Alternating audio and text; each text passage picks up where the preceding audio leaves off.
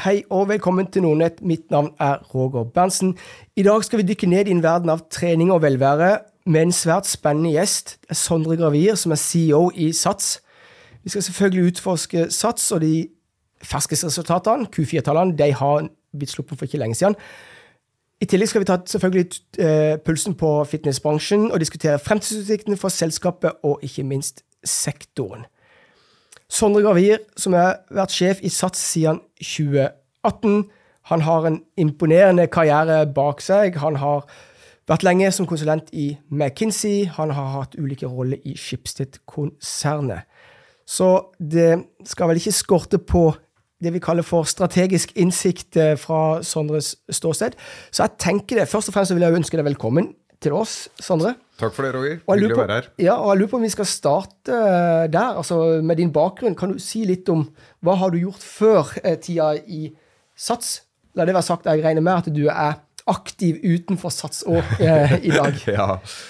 Nei, du var jo litt innom det. Det har jo vært, eh, har jo vært uh, nyheter, avis og etter hvert uh, markedsplasser som har stått hjertet nært. Jeg vokste opp i en, uh, opp i en lærerfamilie hvor, hvor, NRK Nyheter sto konstant på radioen hele dagen, hele morgenen under frokosten og hele ettermiddagen og kvelden. Så det å jobbe med nyheter og starte, starte veien både i å få lov å bli kjent med fantastiske kolleger både i Stavanger Aftenblad, Bergens Tidende og Aftenposten, det har vært, en, vært et privilegium. Nettopp. Og hvis du, hvis du dele litt om konsulent eh, Din konsulentbakgrunn, altså ja. da er det vel i McKinsey? Ja. Altså Hvordan har dette vært med å forme, forme deg som person, eller? Jeg vet ikke om det har formet meg sånn veldig mye som person, men det, jeg syns det var en fantastisk uh, fin periode. Man fikk uh, Kanskje mest av alt fordi altså, man, man, møter jo veldig mange mennesker. Uh, fordi altså, Alle snakker om at man får liksom bli kjent med ulike industrier, ulike sektorer osv. Men kanskje mest av alt så er det jo en fantastisk skole for å møte godt erfarne ledere når man selv er veldig ung. Så det var vel, eh, Og så har du selvfølgelig at man lærer seg eh, noen analytiske verktøy osv., men det lærer man mange steder. Eh, men, men, kanskje det å møte mange veldig inspirerende og dyktige ledere i selskaper man jobbet for når man er så ung, det er jo helt unikt. Og noen ganger så lurte man jo på liksom hva gjør jeg her? Altså jeg, jo, altså jeg, har jo ingen erfaring, jeg har jo ingen, ingen, egentlig grunnlag for å være her og delta i den diskusjonen, men så får man muligheten til det. Ja, og erfaring er jo alfa og omega i alt hva vi gjør, men det er i hvert fall et godt springbrett for det jeg har vært. Ja, uten tvil. Og jeg, eh, jeg var jo heldig og fikk lederansvar eh, da jeg var veldig ung, men jeg, jeg har alltid vært veldig bevisst på å øh, tenkt mye på at på en måte Altså du bringer med deg noe nytt som ung, men du mangler også en erfaring og en klokskap som man skal ha respekt for. Og det, det har alltid fulgt meg. Ja. Før vi går som litt mer i dybden på industrien eller på bransjen som, som dere opererer i, kan vi ta Q4-tallene? Mm. Bare for å ha vært innom det. Ja. Eh, hvordan, hvordan, gikk det? Altså Hvis du trekker fram hovedbudskapet fra Q4, går de i riktig retning? Og i så fall går de i riktig retning fordi at det blitt tatt strategiske veivalg som nå begynner å bære frukter? Ja, det er jo et uh, resultat av veldig tydelige valg, vil jeg si. Uh, Q4 skilte seg jo egentlig ikke så mye fra de tidligere kvartalene i 2023. Altså 2023 har jo vært et, uh, et år som, hvor vi har hatt gode resultat. Vi har hatt sterk inntektsvekst. Uh, som igjen har gitt utslag i, i, et godt finansielt resultat. Men det er jo egentlig eh, For oss så var det egentlig ikke så stor overraskelse. Vi hadde, en, vi hadde, en, god utvikling etter pandemien. Høsten 2022 var bra. Vi fikk bygd opp medlemsbasen igjen. Vi hadde kontroll på kostnadene, og så fokuserte vi på produktutvikling og levere et sterkt produkt. Og det har gjort at medlemmene våre har kjøpt dyrere medlemskap. Så når, dette er jo i Sats det er jo en abonnementsforretningsmodell, eh, som apropos vi også kjenner godt fra, fra avisen også. Og det er jo egentlig en ganske enkel forretningsmodell. Det dreier seg om å pris og volum på inntektssiden, og så dreier det seg om å ha kontroll på kostnadssiden.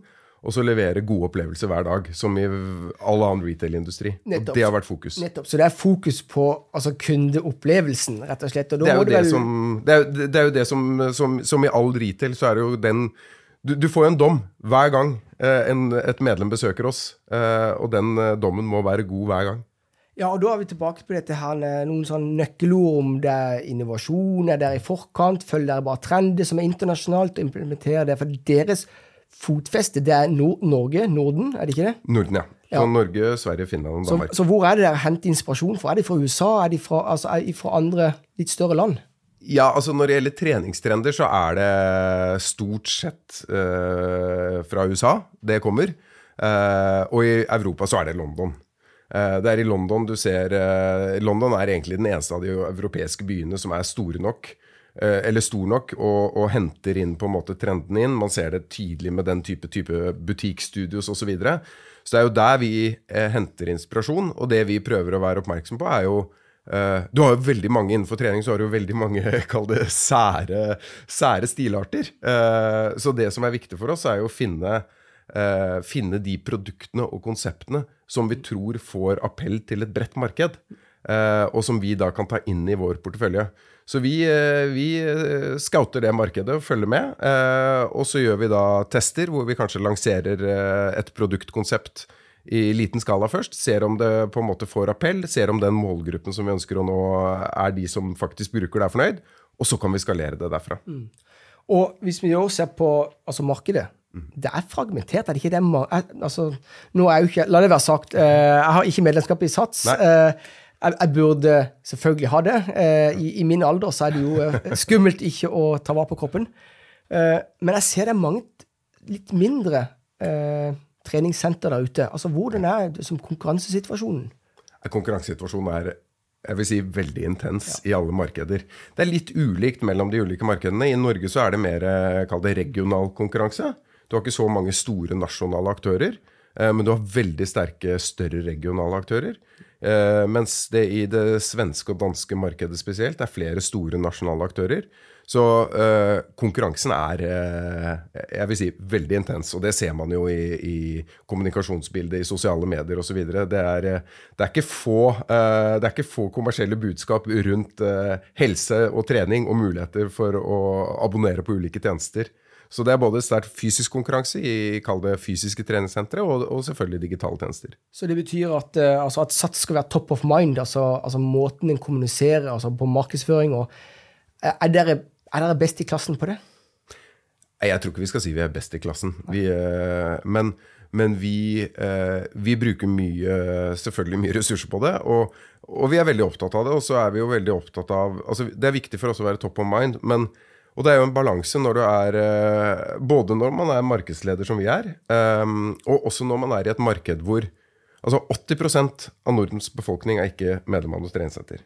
Så konkurransen er intens, men det viktigste for oss er egentlig ikke å prøve å ta medlemmer fra konkurrentene. Det viktigste for oss er å få nye medlemmer inn i markedet. Så det er det jo i kommunikasjonen også en balanse mellom å løfte kategorien eh, og fokusere på, som du er innom, det er viktig, det er bra for deg å være aktiv. Det er bra for mennesker, og det er bra for folkehelsen og personlighelsen å være aktiv. Uh, finne balansen mellom det, og fortelle at i tillegg, hvis du velger å gjøre det, så er det fint om du gjør det på sats. Nettopp, nettopp, og det betyr at hvis vi går litt mer sånn detaljert til verks, altså de muligheter som er der, ligger, de, ligger veksten for dere eller eksplosjonen mer i at partnerskap, altså det betyr at vi gjennom, gjennom, arbeidsgiver og, og den type ting, altså hva, er- hva er planen framover? Ja, altså det, det, det, er viktig, det er et viktig område. Eh, men vårt fokus, altså vi er eh, Vi er jo et, en sterk merkevare i alle markedene. Vi har en ganske høy, som du er innom, kjennskap. Eh, vi har 700, drøye 730 000 medlemmer. Som jo er en interessant målgruppe, for å si det sånn, for mange kommersielle aktører. Fordi de har noen kjennetegn ved seg som gjør at det er en veldig interessant målgruppe. Men vi har vært veldig tydelige på, og det kommer vi til å være fremover også, at vår medlemsbase Vi kommuniserer til det, den basen for å gi de gode produkter og for å gi de treningsinspirasjon. Så vi bruker ikke så mye partnerskap osv. som vi slipper inn for å kommunisere til den, til den basen. Og det, det har vært litt sånn viktig prinsipielt valg. Så vi, vi skal være best på å drive treningssenter og gi gode treningsopplevelser. og jobbe veldig mye med kommunikasjon gjennom appen vår osv. Eh, for å motivere medlemmene til å bruke medlemskapet sitt. Og da ønsker vi ikke å ta, ta opp den oppmerksomheten ved å slippe mange andre kommersielle aktører inn i den eh, kommunikasjonsflyten. Du, vi snakket før vi gikk i uh, studio, mm. litt om historien. Ja. jeg kommer jo for et selskap som har en historie som strekker seg 26-27 år tilbake. Ja. Du sa at dere har òg en historie som strekker seg var det 30 år tilbake? Ja, det er en, det er en, det er en lang historie. Det startet, jo, det startet jo her i Oslo. Mm. Sats startet her i Oslo med noen få sentre i Oslo sentrum som de første. Norske gründere. Og så kjøpte man opp eh, en kjede i eh, Stockholm og ekspanderte der. Og så var det lenge et, egentlig et svenskbasert selskap. Og så fusjonerte jo da Sats og Elexia eh, for noen år siden. Eh, og så har, bygd, har, vi bygd et felles selskap som er Sats, eh, basert på den eh, fusjonen. Så det er korthistorikken. Ja, og det er i denne her ja, ikke si, brutale verden vi lever i. Er det sånn spis eller bli spist? Altså Har du nødt å følge konkurrentene eh, med argusøyne og se er det noen ja, er det noen mulige oppkjøpskandidater. Altså, hvor, hvor, hvor, viktig er det i, i, bransjen deres? Nei, det er klart, altså, vi, vi følger med på det, men, men, hoveddelen av vår vekst har vært organisk. Uh, samtidig så er det jo klart at du har jo i, i vår industri, uh, så har du jo som i mange andre retail-industrier også, du har jo store skalafordeler.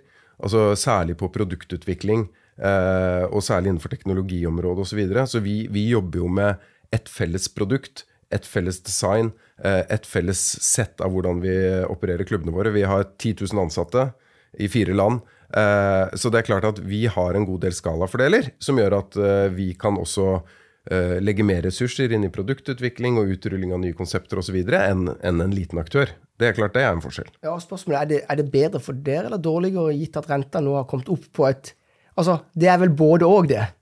Ja, rentene har jo Altså, vi, eh, vi kommer jo Det er jo det som har vært eh, Vi kommer jo fra en krevende periode nå. Altså, eh, det er jo ikke tvil om at covid var ekstremt tøft for oss. Når du må stenge virksomheten din og du ikke har noen inntekter og alle kostnadene fortsatt løper, med husleie osv., så, videre, så var det veldig veldig krevende. Vi økte, økte gjeldsbyrden i den perioden. Så det har jo vært veldig klart fokus fra oss. Apropos det du spurte om i forbindelse med Q4, er det et resultat av bevisste valg? Det er det, og vi har også tatt et veldig bevisst valg gjennom hele de siste tolv månedene at vi har brukt vår frie kontantstrøm på å redusere gjeldsgraden, styrke balansen, så vi står sterkere og mer robust fremover. Eh, og, og, kan på en måte også agere på eventuelle oppkjøpsmuligheter, men også på, på potensiell vekst. Du, du, har vært eh, stemmer det, siden 2018 har du vært sjef i SATS. Ja. ja. Og i den perioden har det jo skjedd mye. Selvfølgelig, Du var inne på det, kanskje det drøyeste var jo pandemien. Ja. Men har du, eh, hvor, din lederstil, mm. hvordan har du endra deg i dette? For jeg regner med at du òg må endre deg i, i, takt med at selskapet du leder, må endre seg. Ja, det er klart det. Og, og, og, det som, men, men, det som har ligget der konstant Altså, vi er en vi, eh, Sats dreier seg om mennesker. Vi er 10 000 ansatte. Det dreier seg om uh, de opplevelsene som vi var innom, som skapes i møte med medlemmene våre på senter hver dag. Og da tror jeg også at uh, i, et, i en sånt selskap så må også lederfilosofien dreie seg om mennesker og, og verdiene og kulturen. Uh, så er jo ikke jeg I forhold til på en måte lederfilosofier, uh, det er jo et interessant tema. så jeg tror jo det er mange ulike ledestiler og lederfilosofier og måter å lede på som fungerer. Eh, og du må ha ulik lederstil i ulike settinger. Situasjonsbasert ledelse er viktig. Eh, men jeg tror det er viktig å på en måte være klar over hva som er sin egen lederstil. Og for meg så er det et veldig fokus på eh, Kall det en menneskeorientert ledelse. For det er det som skaper, eh, skaper resultatene og de gode opplevelsene hver dag for, for medlemmene våre hvis vi ser Ja, og det, det, er jo klart at det er jo vanskelig å, å forutse hvordan framtida blir, men hvis vi, hvis vi, drister oss til å se 10-20-30 år fram i tid mm. Den digitale verden, hvor, hvor, utfordrende eller Er den positiv for dere, eller uvel utfordrende? Altså, kan, kan kundene finne på å trene helt annerledes, altså ikke møte opp i fysiske lokal? Altså, hvilken idé har dere om framtida når det kommer til den digitale verden? Vi tror det kommer til å endre seg, og så ser jeg på det som eh, Altså Uansett så ser jeg på det bare som muligheter. Eh, og det tror jeg, apropos lesefilosofi, det, det, er jo også et sånn grunnprinsipp. Altså eh, Jeg velger å fokusere stort sett på muligheter og ikke problemer. Eh, Det er jo et sitat som er Problemet med negative mennesker er at de finner, finner problemer i alle løsninger. Eh, der, der er ikke, det, det, er ikke min filosofi. Så, men, men, det er klart eh, Pandemien eh, gjorde jo at folk agerte og levde livene sine annerledes. og vi trodde jo også at vår bransje og måten folk trente på, måten folk interagerte på, måten folk var aktive på, skulle endre seg ganske betydelig etter pandemien i forhold til hva det var før. Så vi investerte jo uh, mye gjennom pandemien i digitale løsninger, i digitale hjemmetreningsutstyr osv. Så, videre, og så, videre. så så vi jo det at uh, det endret seg jo nesten ingenting. Jeg husker veldig godt en sånn tirsdag ettermiddag, bare noen uker etter gjenåpningen. Så satt vi og så på besøksstatistikken, hvilke medlemmer som besøkte hvilke sentre, når de trente, demografien, kvinner, menn, alder osv., hvilke timer de gikk på. Så så vi at herlighet, det er jo nesten kliss likt som en vanlig tirsdag før pandemien. Vi skjønte ingenting. Så det er klart, det vi har sett nå, er jo en, egentlig en kraftig besøksvekst fysisk på sentrene våre sammenlignet med før pandemien. Så jeg tror det er veldig viktig å tenke på hva eh, digitale verktøy, ikke minst data og innsikt og analyse av store datamengder, hvilken innsikt det kan gi, hvilke muligheter det kan gi til å forbedre produktet osv. Men eh, for vår bransje så tror jeg i mange, mange eller i overskuelig framtid så dreier nå trening seg om eh, Det er nå en fysisk opplevelse. Det er mange som gjerne skulle funnet en annen formel, men det er nå en fysisk opplevelse, og du må gjøre noe fysisk. Og så kan du bruke digitale verktøy for å støtte i den reisen. Men selve treningen eh, tror jeg i stor grad vil også foregå fysisk, sammen med andre mennesker, på treningssenteret i fremtiden. Nettopp, så det er nøkkelen at vi mennesker vi er jo sosiale ja. vesener av, av, natur, og det er kanskje ja. det som redder dere litt, da? Ja, og det er det vi ser. Altså, for eksempel, et, et, et veldig viktig område for oss er jo klasser. Eh, det er jo en, del, en sentral del av vårt produkt. Eh, og en veldig stor andel av medlemsbasen vår bruker det. Eh, og denne uken her så har vi mer enn 10 000 klasser på timeplan. Det er jo trening sammen med andre. Og det vi ser er at de som gjør det, de er mer aktive. De er medlemmer lengre, og de er mer fornøyd. Så det er klart at altså, trening er jo også en sosial ting. Eh, man ser det særlig blant unge mennesker, man ser det i seniorteamer eh, osv. Det, det å trene sammen eh, gir jo også en tilfredsstillelse og, og tilfredsstiller på en måte en, et behov for sosial tilhørighet, som er veldig viktig for, uh, for mange av medlemmene våre, og som er en viktig, viktig del av vårt produkt. Du, jeg har et par spørsmål til før vi skal runde av. Det ene går, er litt mer sånn, det er jo veldig dagsaktuelt. altså Vi, vi lever jo i en dyr tid. Mm. Det er inflasjonspress og høy rente, og det, det gjør jo at lommeboka til de fleste blir litt mindre. Uh, ja. Men jeg hører om det er mange som ikke merker så mye til det. Uh, mm. Hvordan er det hos dere? Hvor sårbare er dere for økonomiske svingninger? Altså, det er ikke tvil om at Hvis du bare skrur klokken litt tilbake, da, altså når vi sto i det sommeren 2022, og du, du, virkelig så inflasjonen kom, du hadde fått Ukraina-invasjonen, du begynte å få kraftig inflasjon, uh, du fikk renteøkningen osv., så, videre, så var jo vi usikre på hvordan det påvirker oss. Altså, Vi er avhengig av konsumentenes tillit og prioritering hver dag. Og så dreier det seg jo til slutt om jeg tror For enhver på en måte konsumentindustri så dreier det seg om hvor langt ned kommer du på kuttlista. ikke sant? Og vi har sett at trening og investering i helse og velvære det kommer ganske langt ned på kuttlisten. Eh, så vi har merket veldig lite til det. Vi, jo, eh, vi lurte jo på kommer færre til å kjøpe medlemskap, kommer de til å kjøpe billigere medlemskap, kommer flere til å si opp medlemskapet sitt? Men ingen av de tre har egentlig slått til. Nesten motsatt. Altså Vi selger mer. Eh, vi selger tilgang til flere produkter inn i medlemskapene som gjør at vi selger til en høyere pris. Og, og frafallet har ikke økt. Så det vi ser, er jeg tror liksom folk unner seg Selv i den dyrtiden vi er, da, så unner folk seg, kall det hverdagsluksusen. Og i tillegg når den er uh, bra for deg, og det er jo en, det er en veldig tydelig megatrend rundt helse og velvære å investere i på en måte det å leve et sunt og bedre liv. Så kombinasjonen av de to tror jeg at, uh, er det som driver at ikke vi har merket så mye til det. Ja, så Litt av den underliggende vinden det å ha i seilene, det er fordi vi blir eldre. Og bevisstheten ja. for å ha en OK alderdom Uten tvil. Ja. Og det ser vi gjennom eh, egentlig alle generasjoner. Og vi ser jo at unge trener jo eh, mer enn eldre generasjoner. Og så ser vi jo det at de tar med seg disse treningsvanene. Så den, altså Yngre generasjoner i dag trener mer enn eldre generasjoner. Og de bevarer disse treningsvanene etter hvert som de blir eldre.